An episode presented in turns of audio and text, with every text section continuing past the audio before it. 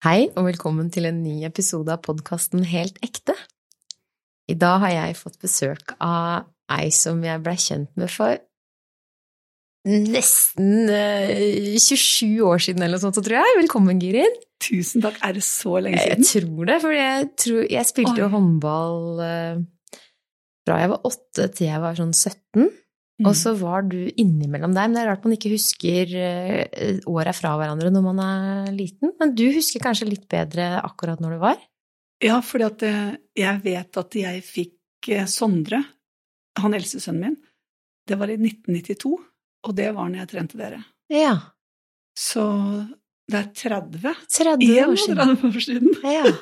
Det var det jeg lurte på, om det var Ja. faktisk det. Det var, det var nok det. Jeg fant en avisartikkel her om dagen hvor det var et bilde av dere, det laget deres, med Siri og Anja og alle de, alle de her. Og så Da lå jeg på sykehuset og hadde født, oh. og dere vant en sånn stor kamp, og så sto det helt på slutten at gratulerer treneren vår med sønn eller et eller annet. og Det var så hyggelig, så da, da vet jeg det. At det var hvor gammel var du da? Ja.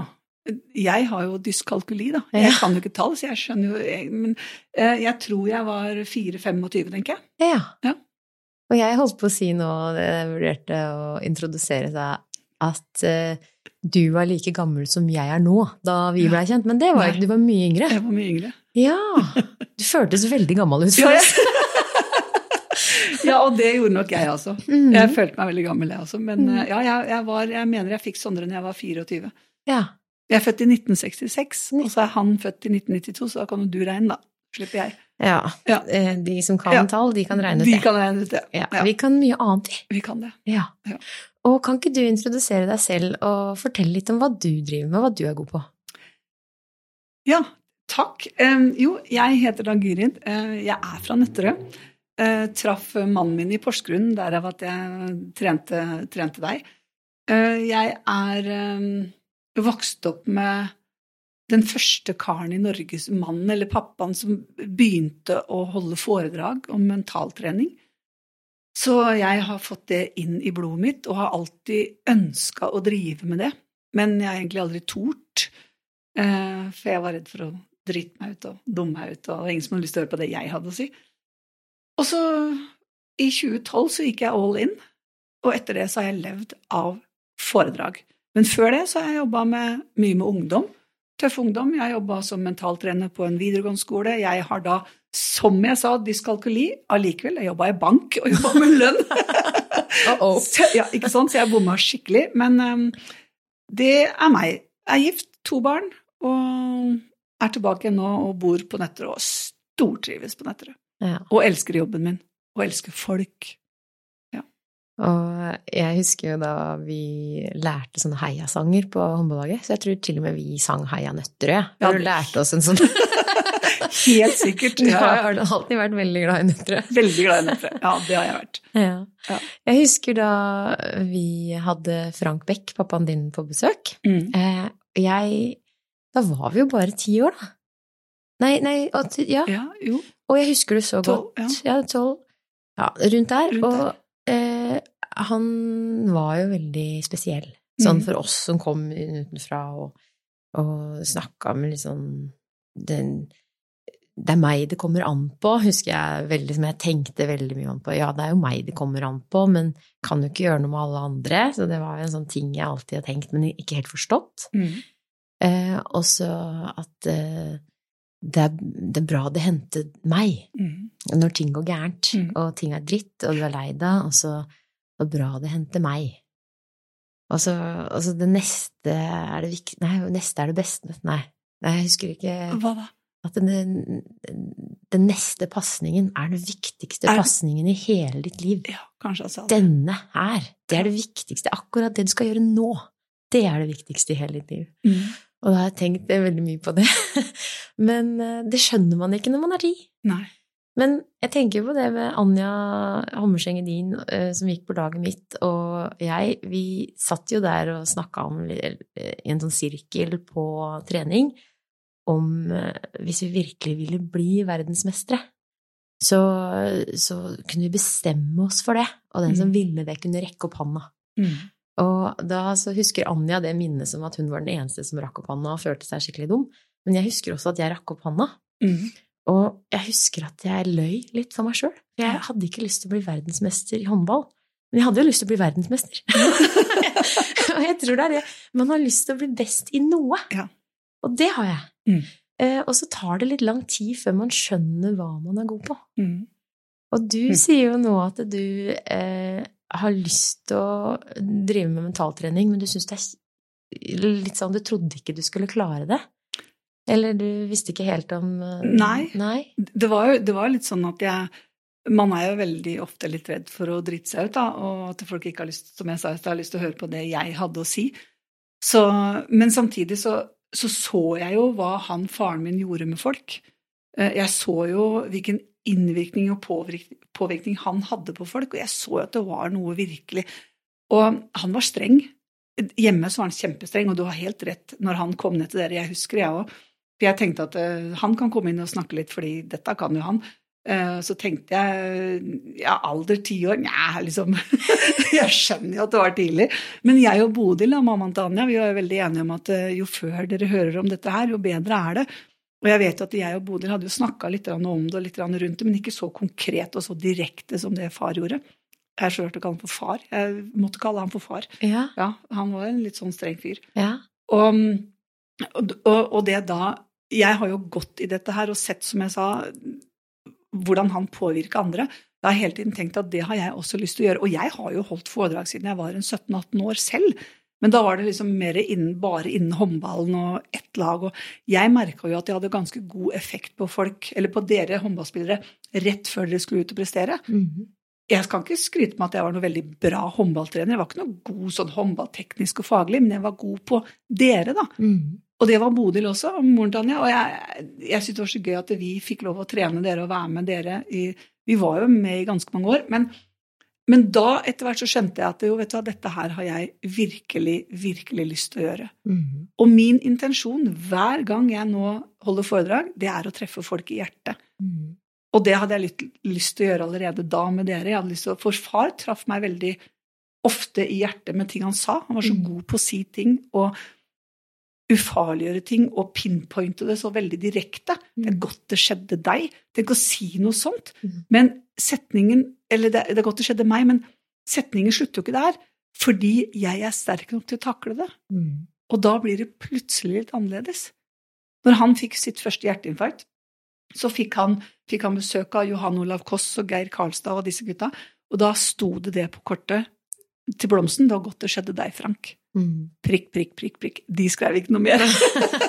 det var litt for å holde igjen. Men, Ja. men når du får høre 'det er godt det skjedde deg', for du er sterk nok til å takle det, da blir det sånn 'hei, mener du virkelig at jeg er Ah, så kult'. Ja. Da får, det, da får det litt sånn annen vri, da.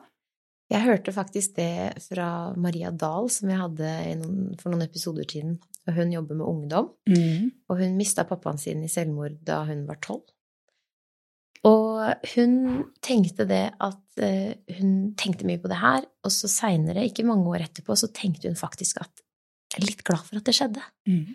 Og ikke fordi at hun var glad for at pappaen var død, mm. men fordi at hun visste at dette her kunne lære henne noe hun kunne få bruk for. Mm. Tenk på det. Og hun bruker det her, den sårbarheten og disse spørsmålene som dukker opp i ungdom, og bruker sin historie til å være et medmenneske for andre som sliter. Fantastisk. Og det tenker jeg også med, det, eh, med, med din historie, da, at du ville gjerne dette her, men eh, du har sagt til meg at du ikke er så glad i å ta plass.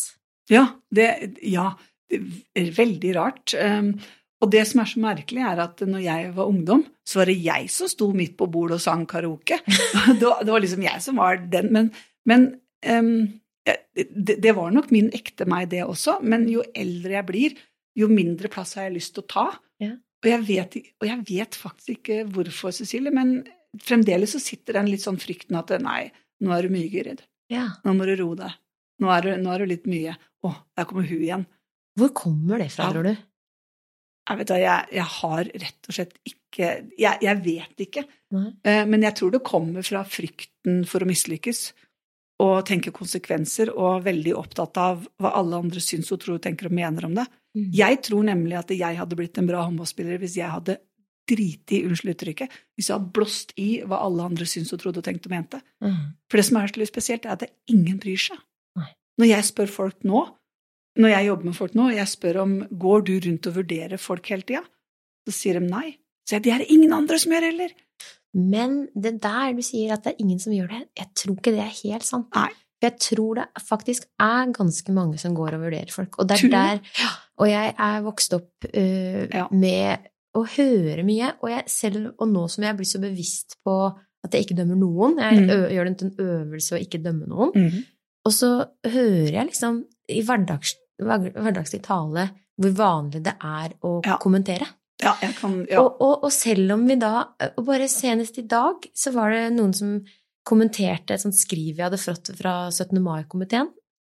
Og bare Her var det mye skrivefeil. ja. Og så sier jeg så fantastisk at de har gjort en så god jobb med å Mm. organisere. Mm.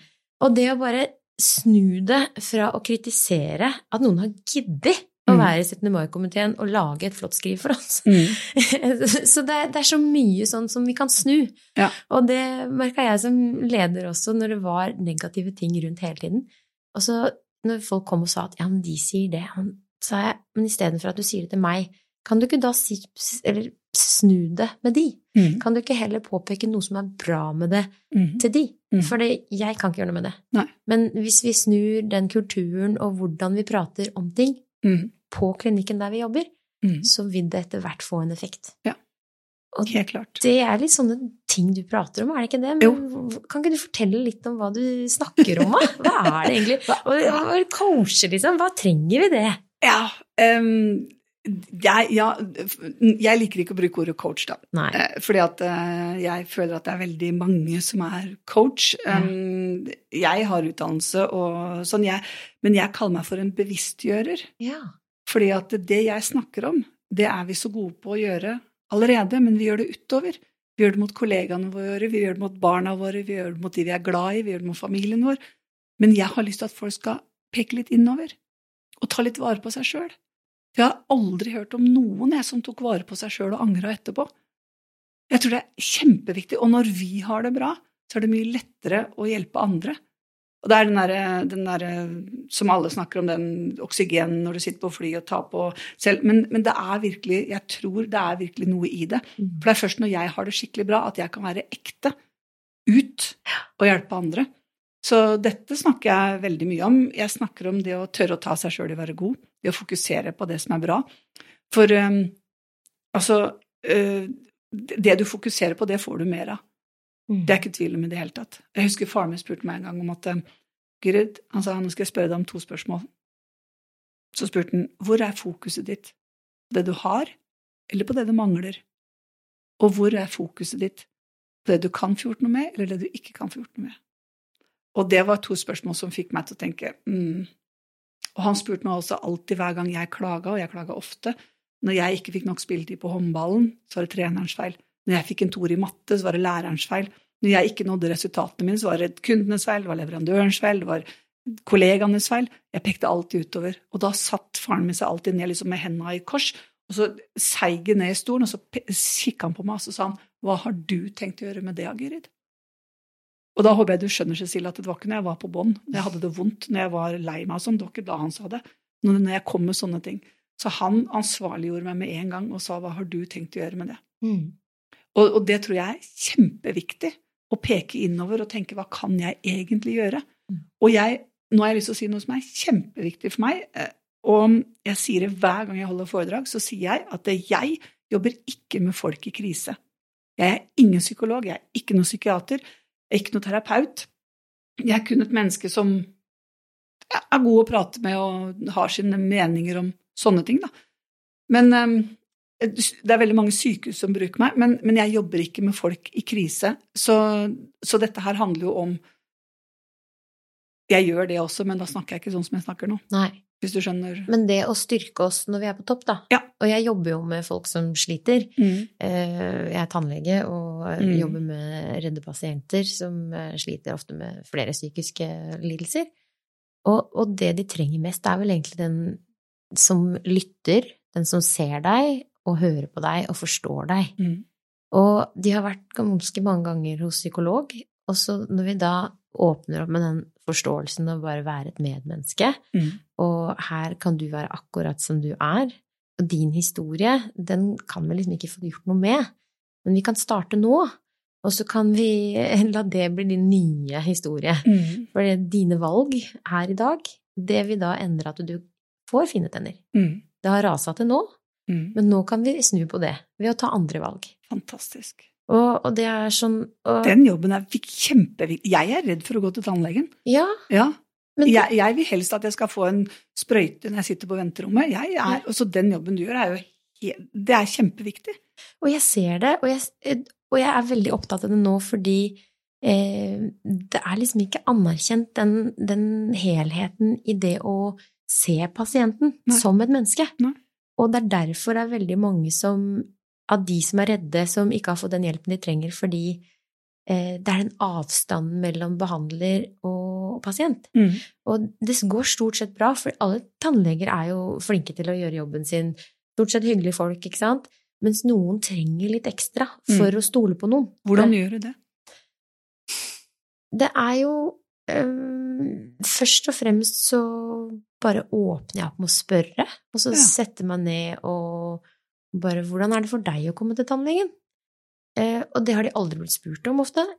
Og det å, når de sier at 'nei, jeg alltid Jeg bare liker det ikke'. Hva er det du ikke liker? At jeg, Mm. jeg spør litt. Ja. Og, og det å være litt nysgjerrig på hva som er utfordringen, og hva som har gått gærent før, Mm. sånn at jeg kan eh, finne ut hva det er. Mm. Og ofte så finner jeg ut at det er noe i kommunikasjonen um, som mangler fordi tannlegen sitter på sin kunnskap og sin forståelse av tenner. Mm. Og så sitter pasienten med sin historie og manglende forståelse av tannhelse. Mm. Og i tillegg gjerne en historie bakover som gjør at de har vanskelig for å stole på folk. Mm. Uh, og da er det også vanskelig å stole på tannlegen, for de har jo opplevd på en måte å kanskje bli svikta av tannleger før. Ja. Så, så vi må bare rydde opp i og se at uh, Ja, en forventningsavklaring om hva som skal skje. Mm. Og bare prate om det. Og det pleier å roe ganske ofte. Det er mange forskjellige historier og mange vi gjør, Ja. men det her skal jo ikke handle om meg! Nei, nei, nei, nei jeg syns det er så spennende det du driver med. For, for jeg tror det viktigste En av våre viktigste ting er å bli sett. Ja. Og så kommer de til deg, som er tannlege, som de gruer seg til, men så kommer det plutselig til en tannlege som ser dem, og som lytter, og som er, som du sier, nysgjerrig. Det er jo gull verdt. Det er kjempebra. Og så skal det sies at det er ikke bare meg, for vi jobber jo i team, og Ja. Hilde, sekretæren min, hun er jo veldig opptatt av mentaltrening mental trening og Mm. Uh, har funnet skikkelig sin rolle i dette her, Mm. og tar også de pratene. Og roer ned pasientene før de, jeg kommer inn. Ja. Så, så vi, vi koregulerer hverandre veldig da, i den stemninga i rommet. Så hvordan vi jobber, det er liksom eh, Nei, vi er skikkelig stolt av det. Ja, det skal dere være. Ja, og, det, og vi eh, har jo lyst til at flere skal eh, lære om det, for vi tror det er viktig ikke bare hos tannlegen, men, men, men flere Mm. steder. Både i Mm. familier Ja. og på arbeidsplasser. Det er mange som sitter i veldig mye vanskelig, som Mm. kunne kanskje vært litt lettere hvis man klarer å føle seg litt sånn sett i ting. Ja. Mm. Og jeg husker, jeg husker ikke du var med og nominerte til innsatspokal. Husker du vi hadde noe sånt Ja. da vi var på laget Ja. Ja. Og, og det også er jo en sånn Det var ganske nytt på den tida Mm. å gjøre det. Mm.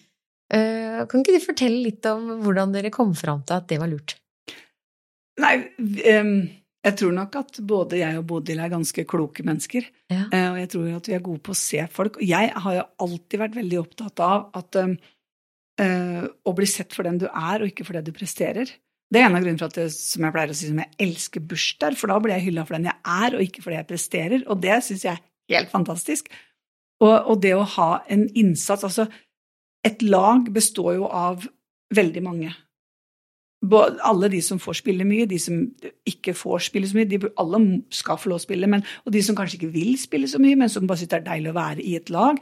Og um, vi fant ganske fort ut at det å ha en innsats, det holder i massevis. Og den innsatsen trang ikke å være håndballfaglig engang. Den kunne være på gode på å gi high five, gode på å se de andre, gode på å skryte av de andre, gode på å ta den vitsen i garderoben når, når vi var litt nede, gode på å juble. Det er jo sånne ting også som er så utrolig viktig, og vi har brukt for absolutt alle i hele verden. Vi har brukt for alle. Mm. Uansett hvem og hva du er, så har vi brukt for deg. Jeg husker da jeg begynte på håndball, så spilte jeg utpå, og så spilte jeg på en turnering, og det var ikke gøy, og jeg var ikke god, og jeg holdt på å slutte, men så ble jeg plassert i mål. Mm. Og så var jeg jo tjukkere enn de andre, og ikke så Jeg følte meg i hvert fall veldig stor, og jeg følte meg feil, og jeg prøvde liksom alltid på en måte å gjemme meg. og, og da, da, jeg sto i mål, da, så fikk jeg på en måte en rolle der, men jeg følte jo igjen at jeg kunne ikke sammenlignes med de andre, for jeg gjorde en annen jobb i laget enn det de andre gjorde. Mm. Og, så, og, uansett om andre sier at du er god når du står i mål, så kan det føles ut som flaks, Ja. fordi du treffer bare ballen, sånn Ja. helt tilfeldig. Og så er det så ensomt. Ja, det er litt ensomt. Det er ensomt å stå bak der. Eh, Så jeg pleier alltid å si at de sterkeste mentale, det er de som står i mål. Uansett om det er fotball eller håndball eller ishockey, whatever, for det er så ensomt å stå bak der. Du skal være sterk. Ja, det var ganske tøft til Ja. Det vet du. Eh, og så da jeg vant innsatspokalen, jeg husker det fortsatt, vi satt på asfalten Wow. foran den der asfaltmannen ute på Stridsklev, Mm. og så husker jeg at jeg vant den. Mm. Altså, noen hadde sett det jeg Wow. gjorde, det å føle seg sett. Nå begynner jeg å grine. Jeg blir rørt, jeg òg. For det var så viktig. Ja. Og, og det handla ikke noe om hvor god jeg var, for det kan alltid diskuteres, ikke sant. Ja, jeg er ikke så flink. Mm. Men, men at det, det jeg hadde gjort bare ved å være meg, Ja. det var skikkelig, skikkelig bra. Og jeg Mm. fikk en flott pokal, som jeg ennå har. altså, har hun ennå. Så nei, det er det å gjøre noe som man tror på, da, sånn som Mm. du har gjort opp igjennom, og hvilken sånn impact det har på Ja. alle liv som du noen gang da har vært innom. Mm.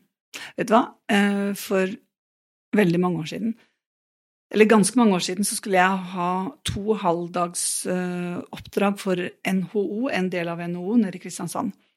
Og som jeg fortalte deg i stad, så gruer jeg meg veldig eh, foran hver gang jeg skal holde noe. Eh, En av mine absolutt beste venninner døde for to år siden til sommeren.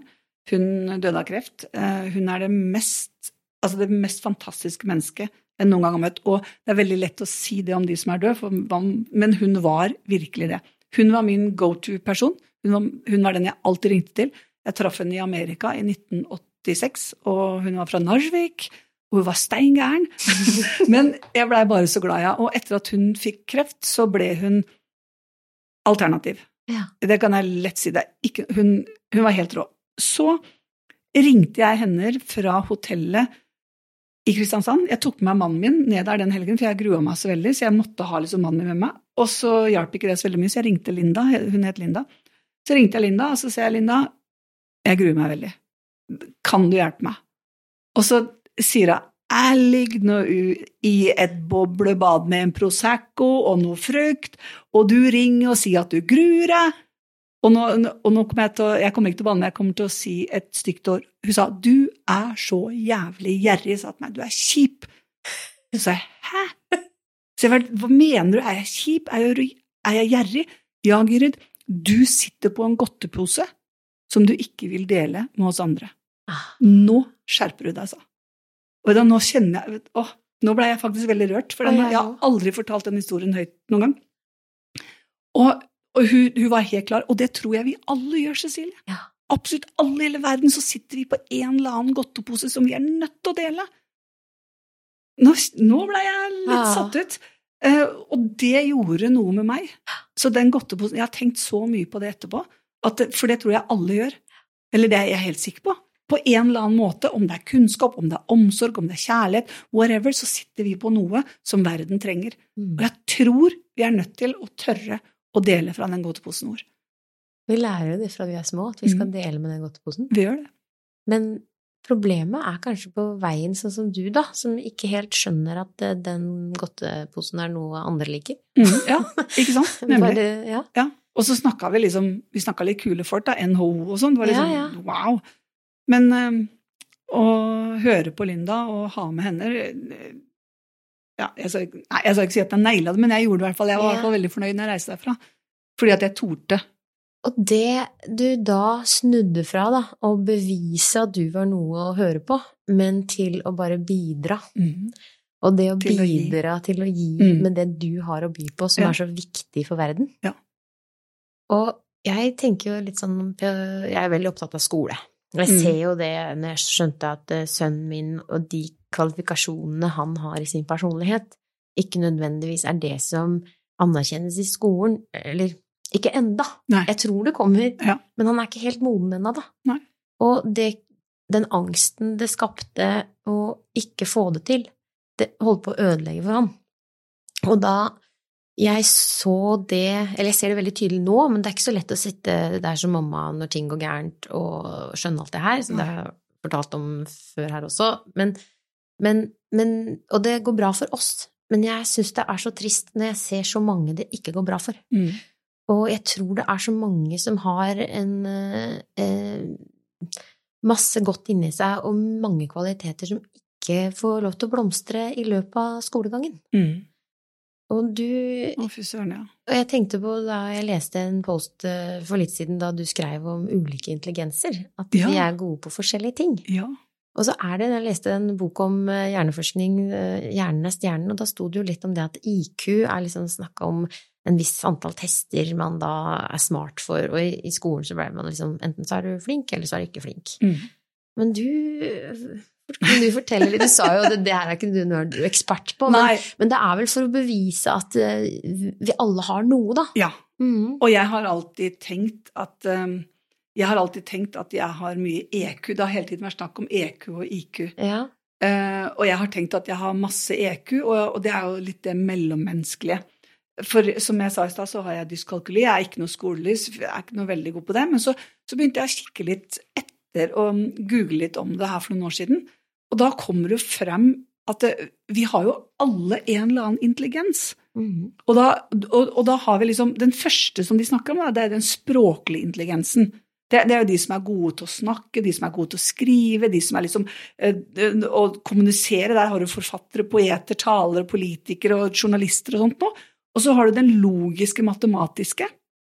Og det er jo de som er gode til å regne, selvfølgelig. Eh, de to i sammen er den gamle IQ-en. Mm. Det var det de målte på. Og, og på, der har vi jo ingeniører og vitenskapsfolk og matematikere og sånn. Så de to er jo virkelig det som du kaller for EQ, nei, for IQ. Men som har begynt å forske litt lenger, og så har vi jo faktisk noe som heter visuell og spatial intelligens.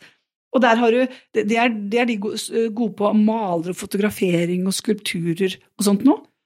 Og så du, snakker om det som heter musikalsk intelligens. Det sier seg jo selv. Eh, Der tror jeg jeg egentlig Jeg har litt musikalsk intelligens. Jeg eier ikke sangstemme, men jeg er god. Jeg elsker musikk, og jeg er god på å lytte på musikk og trampe takta. Og liksom, jeg er veldig god på det. Og så har du noe som heter kroppslig og, og kinestetisk intelligens. Det, går, det er jo veldig ofte sånn det har med kroppsbeherskelse å gjøre, og idrettsfolk og dansere og håndverkere. Kjempegode med hendene. Tenk at det er en intelligens. Tenk hvor Mm. mange håndverkere som sitter som håndverkere nå, som satt på ungdomsskolen og fikk beskjed om at nei, du er ikke god nok. Og, du... og jeg, vet du, jeg fikk helt vondt. Og da, jeg har jo jobba i ungdomsskole, og da tok jeg veldig ofte folk ut, og så brukte vi noe annet for å regne matematikk. Bygde en fuglekasse, så kan du regne matematikk. Det fins mange helt briljante lærere som ser det hele mennesket, og som tar disse ungdommene ut. Og så blir de kjempegode håndverkere. Og så har de blitt fortalt at ikke de kan noe. Jeg, ja, jeg blir så irritert. og så har du noe som heter sosial intelligens, som jeg tror jeg har veldig mye av. Det er, det er de som Det er de folka som blir likt av andre folk. Det er de som er gode på det mellommenneskelige. Så, så her har du masse. Og så har du en som de driver og jobber veldig med nå, som jeg, som jeg vet de, Det er det å ha selvinnsikt og intuitivt.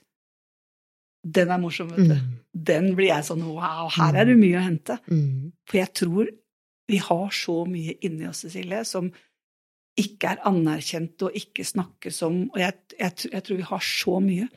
Jeg hadde i fjor november, eller nei, forrige fjor november, så hadde jeg fire foredrag for Equinor.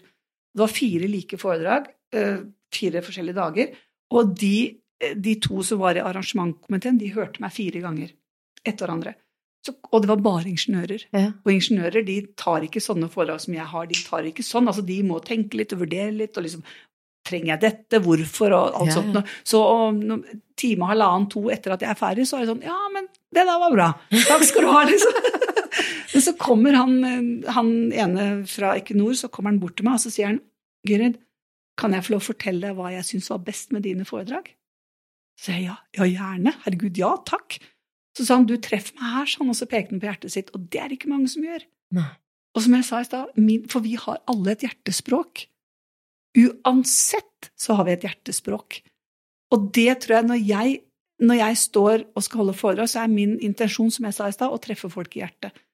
Og jeg har ikke anelse om hvordan og hvorfor, men jeg tror bare at jeg er ekte, og jeg tør å dele, og jeg er sårbar, og jeg, og jeg tør å Ja, jeg tør å være meg sjæl. Ja. Ja, og da, da, da tror jeg du kommer ganske langt. Og så skal du selvfølgelig ha en kunnskap, og det skal være en grunn for at du står der og prater, men allikevel å være seg selv oppi alt dette her, det tror jeg er kjempeviktig. Så, så de intelligensene her, tenk hvor mange som da har fått beskjed om at ikke de, at ikke de kan noe, og at ikke de Tenk på det.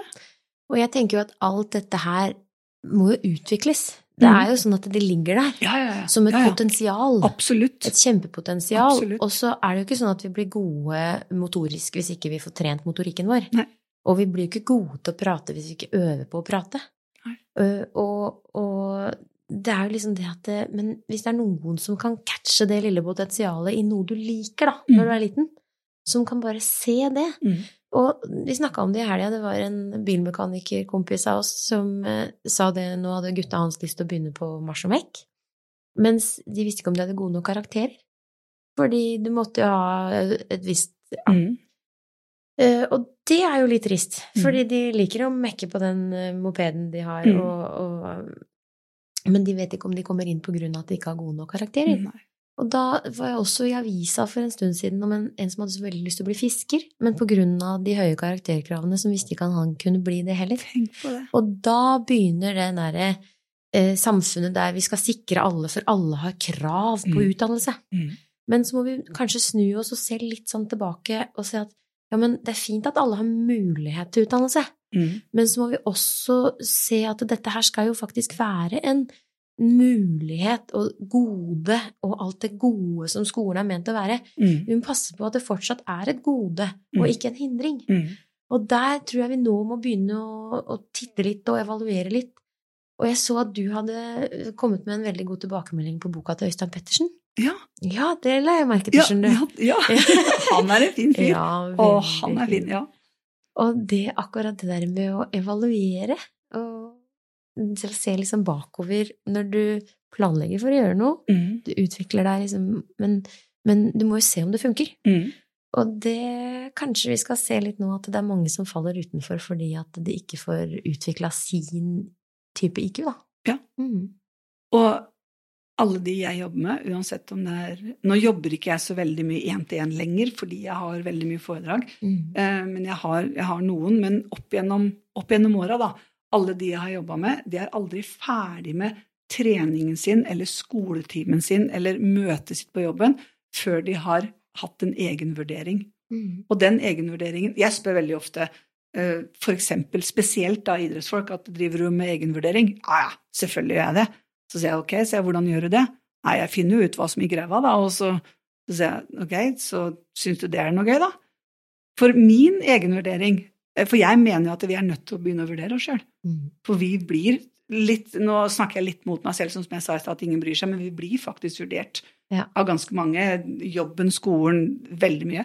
Så min egenvurdering er at uh, bruk 30 sekunder etter, etter møtet, eller bruk 30 sekunder etter en trening, og tenk hva var bra med dette møtet? Hvorfor var det bra? Og hva kan jeg bli bitte litt bedre på? Mm. Da har du først tatt deg sjøl i å være god, så har du funnet ut hvorfor. Og det er smart, for du skal gjøre det igjen, for det var bra. Og så har du satt deg mål om å bli litt bedre. For målet mitt med mine foredrag er at de skal bli bitte, bitte, bitte litt bedre. Ikke sånn kjempe de, Vi skal ha drømmer, vi skal ha mål, vi skal ha disse store Men i hverdagen så må vi bli litt flinkere til eksempel å ta imot skryt. Mm. Litt flinkere til å se det positive i oss. Og bare, bare det å bli litt flinkere når du har blitt litt flinkere hver eneste dag en hel uke, da har du blitt ganske mye flinkere. Og så har du blitt bevisst på at dæsken, jeg er jo faktisk god. Jeg har ei venninne som eh, har blitt litt provosert av sjefen sin, som sier at ja, men vi vil jo bli den beste utgaven av oss selv. Ja. Men det er jo fordi at sjefen da ser på de resultatene som sjefen vil at de skal bli bedre på. Og, og det med at det liksom Og hun tenker jo at men er jeg ikke god nok? Og så hun ser jo deg da er god nok, for hun er jo nysgjerrig. Hun ser jo hva Hun er kjempenysgjerrig på hvordan hun kan få alt til å fungere bedre, og hun er en skikkelig nerd. Og det Mm. kommer av seg sjøl for henne. Mm. Så hun blir jo da provosert at noen skal bruke hennes liksom ego til å på en måte dramere utbytte, eller eh, utnytte henne mer. Jeg vet Ja. Det det er litt sånn rart kombinasjon med sånn ledelse som skal bruke disse, eh, disse utsagnene, da. Mm. Når du kanskje fordi du under deg kjenner at verdigrunnlaget skorter litt. Ja.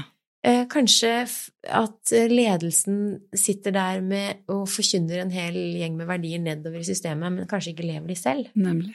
Og da tror Mm. jeg det kan møte veldig mye motstand i enkeltmennesket at ah, jeg hører hva du sier, men lever du det selv? Mm.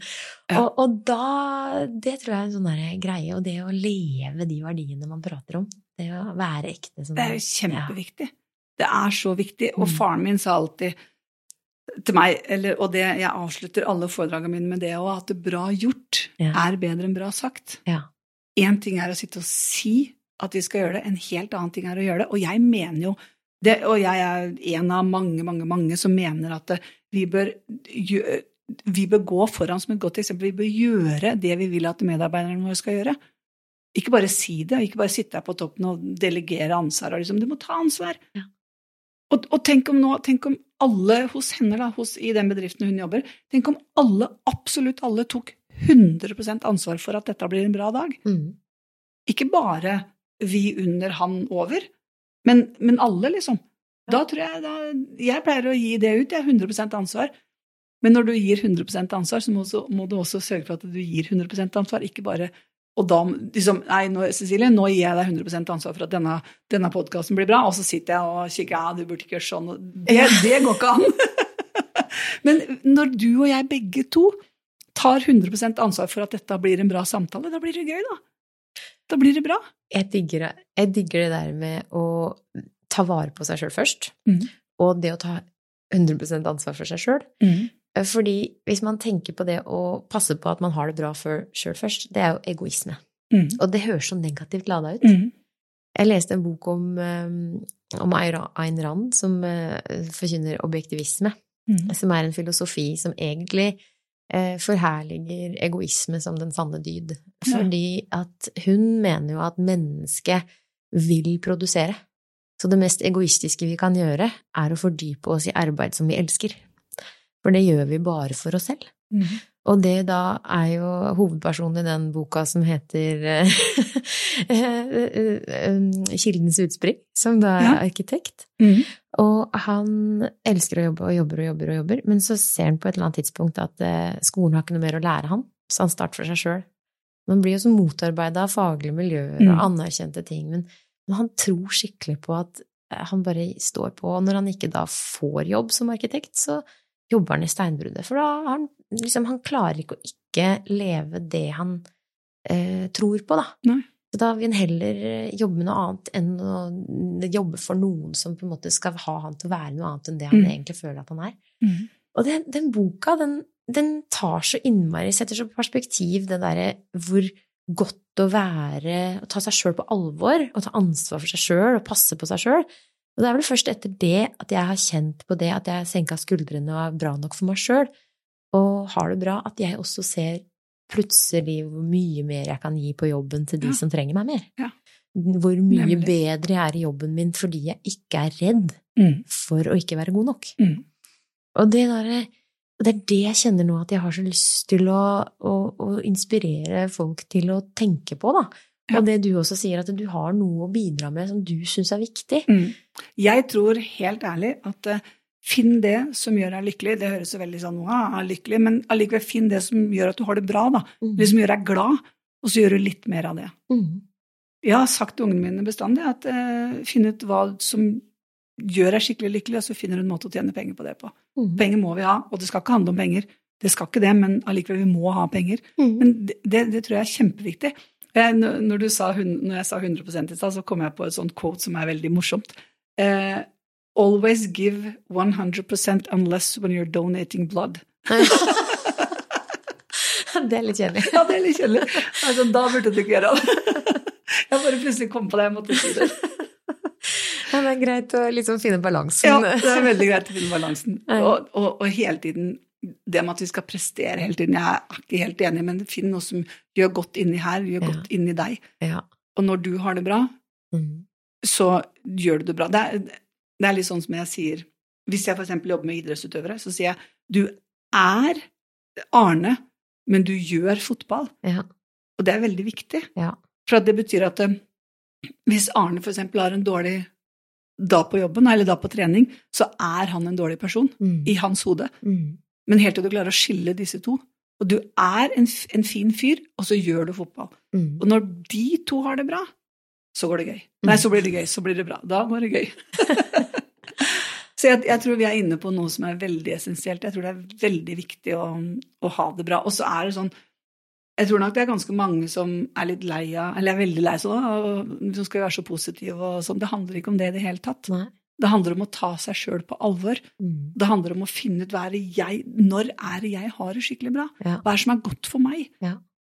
Og når vi klarer å finne det, så tror jeg vi har eh, knekt koden. Altså. Jeg tror jo jeg tror vi er her for å lære. Jeg tror vi, Hver gang vi gjør et eller annet Det lærte jeg ganske fort, at uh, hver gang jeg driter meg ut, og hver gang jeg, ting ikke blei som jeg hadde lyst til at det skulle bli, så sa faren min alltid 'hva har du lært'? Mm. Hva har du lært, hva har du lært, hva har du lært?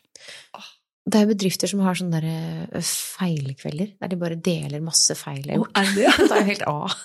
Det er så gøy.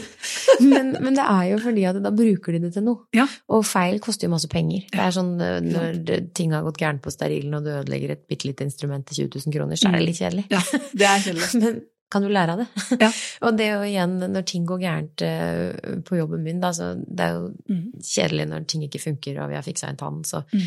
istedenfor at jeg da er redd for å bli tatt i å gjøre noe gærent, så er jeg heller åpen om det og sier Ja. at dette her ble ikke så bra som jeg hadde håpa, Mm. men kan vi gjøre det om igjen? Så ordner, vi, ordner vi det sammen. Så Men bra. jeg vil jo at det skal bli bra, Ja. eh, men jeg fikk det ikke til første gangen. Nei.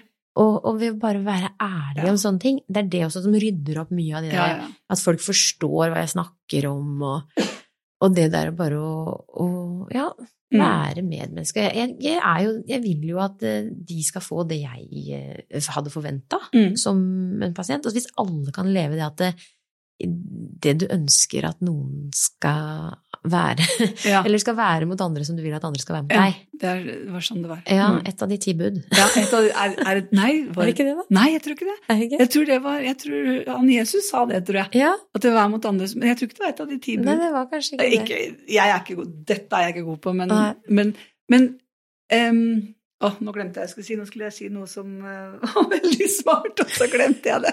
Det er så typisk. Det er veldig typisk meg. Ja, nei, ja. Fortsett. ja jeg, jeg, jeg, jeg, datt ut. Men jeg eh, tror vi har fått prata mye. Men du sier at du har veldig mange um, Å, nå husker jeg det! Ja, Kan jeg få lov å si det? vær så snill. Å, takk. Um, vi må huske på det, da. At uh, vi er nødt til å vite hva lavt er for å vite hva høyt er. Ja. Vi er nødt til å vite hva mørkt er for å vite hva lyst er. Vi er nødt til å vite hva kjipt er for å vite hva bra er. Det er dualiteten i livet. Det er jo, det er jo dette livet handler om. Hvis vi bare hadde visst hvis vi bare hadde visst hva bra var, så hadde vi ikke visst at det var bra, for vi hadde ikke noe å sammenligne det med. Og dette, For meg så er det kjempeviktig, for vi går på trynet. Akseptere at livet er kjipt, for det er det Mm. innimellom. Men ikke godta at det skal ødelegge for resten av dagen din. Nei. Stopp opp litt og tenk så hva kan jeg egentlig gjøre? Jo, vet du, kan jeg ta en, sende en melding til Cecilie, for hun setter meg alltid i godt humør. Altså, var det fiksa. For det som er så morsomt, er at livet gir oss så sinnssykt mange sekunder i løpet av en dag, og vi kan snu. Bare vi vet at vi har valget. For det er et valg. Tror jeg. Ja. Og ja, noen har faktisk ikke et valg bestandig. Det er jeg helt enig i. Men når du har et valg, så bruk det. Under pandemien skal jeg være kjapp, men under pandemien så mista jeg all jobb, og det var det veldig mange som gjorde, og det var kjempekjipt. Jeg satt hjemme og syntes skikkelig synd på meg sjøl, det var synd på meg, det var synd på alle andre i hele verden. Og så plutselig så kommer april, og så kom jeg på at ja, men for faen, søren da, Gyrid, du har jo faktisk et foredrag som heter Det er meg det kommer an på. jeg møtte meg jo sjøl så i døra. Ja. Så jeg tenkte, så hva kan jeg egentlig gjøre nå? Mm. Det var ikke min skyld, Cecilie, at pandemien kom, men det var mitt ansvar å komme meg gjennom det hvis jeg har lyst til å fortsette å gjøre den jobben. Mm. Hvis jeg har lyst til å fortsette den jobben. Ja. Det tror jeg er kjempeviktig. Det er liksom Det er sånn- forskjell på skyld og ansvar. Ja, og det der med at man tenker at man skal være positiv hele tiden, man skal Mm. snu ting til det positive. Ja, det er ikke alt som kan gjøres gøy, Nei. men hvis man klarer å se hva det er i jobben du kan interessere deg for, sånn Ja. at det betyr såpass mye for deg at på en måte du kan kalle det gøy. Ja, nemlig. Og det er jo det jeg gjør med at jeg er også veldig glad i mennesker, og Mm. jeg har skjønt nå hvor viktig det er at jeg anerkjenner den kunnskapen om mennesker som jeg har, Mm. til å bruke det i jobben min for å lage den gøy. Mm. Jeg er også glad i det tekniske, men for meg så er det egentlig ganske ikke så krevende, da. Jeg, jeg, etter hvert som man har gjort mye mange ganger, så Mm. blir ikke det så utfordrende. Men når man kan tilføre det en annen dimensjon, og det kan man gjøre, og jeg sier at jeg hadde likt å gjøre mange jobber, jeg. Kunne vært snekker, jeg kunne vært sykepleier, jeg kunne jobba i matbutikk. Mm. Eh, kanskje ikke klesbutikk, men det er forskjellige interesser. Men, men, men det at man kan gjøre veldig mye og få meningsfulle dager Ja. Uansett hva man gjør, hvis man velger å finne hva man liker ved det man gjør. Nemlig. Jeg har alltid hatt lyst til å jobbe på bensinstasjon, for der kommer det nye kunder inn hele tida som jeg kan være kjempehyggelig mot. Ja. ja. Helt ærlig, jeg elsker folk. ja. Og det, og det er en verdi, Ja. og det er en eh, intelligens Mm. som eh, heldigvis blir satt pris på, sånn at Mm. folk eh, leier inn deg. Og det er så fint at store bedrifter som bruker penger på foredragsholdere og inspiratorer fordi det har en enorm verdi. Ja. Mm. Og det er jo så mange ringer og spør Guri, kan ikke du komme og motivere oss? Så sier jeg nei, jeg kan ikke komme og motivere dere, men jeg kan komme og inspirere dere. Ja. Men motivasjon er dere nødt til å finne sjøl. Ja. Hvorfor er jeg her? Hvorfor jobber jeg med det jeg jobber med? Og jeg jobber med det jeg jobber med fordi at jeg elsker det, jeg digger det, og det gjør meg glad. Og så er det så skjønn, fordi når jeg ringte deg, så bare Vil du ha meg? Ja! ja. Og så er det igjen så sitter jeg i andre enden og tenker å, jeg tør ikke å ringe Gyrid, for det, hun husker meg sikkert ikke. Og så, yes. og så er det bare en tullepodkast som jeg akkurat har begynt med. Ikke sant? Du har disse Mm. tankene om, om deg Mm. sjøl, så er vi alle folk Ja. som sitter med En Ja. en godtepose. Mm. Mm. Jeg har det. Jeg tror det var en veldig fin avslutning. Ja. Kjempefin. Tusen takk for at du ville komme. Det, tu, jeg, tusen hjertelig takk for at jeg fikk lov å komme, og takk for at du har, lov å, eller jeg har lyst til å høre på Ja, det jeg snakker om, og takk for at du gjør den jobben du gjør, for den er viktig. takk. Jeg skal fortsette. Gjør det. Ha det godt. Ha det. Ha det.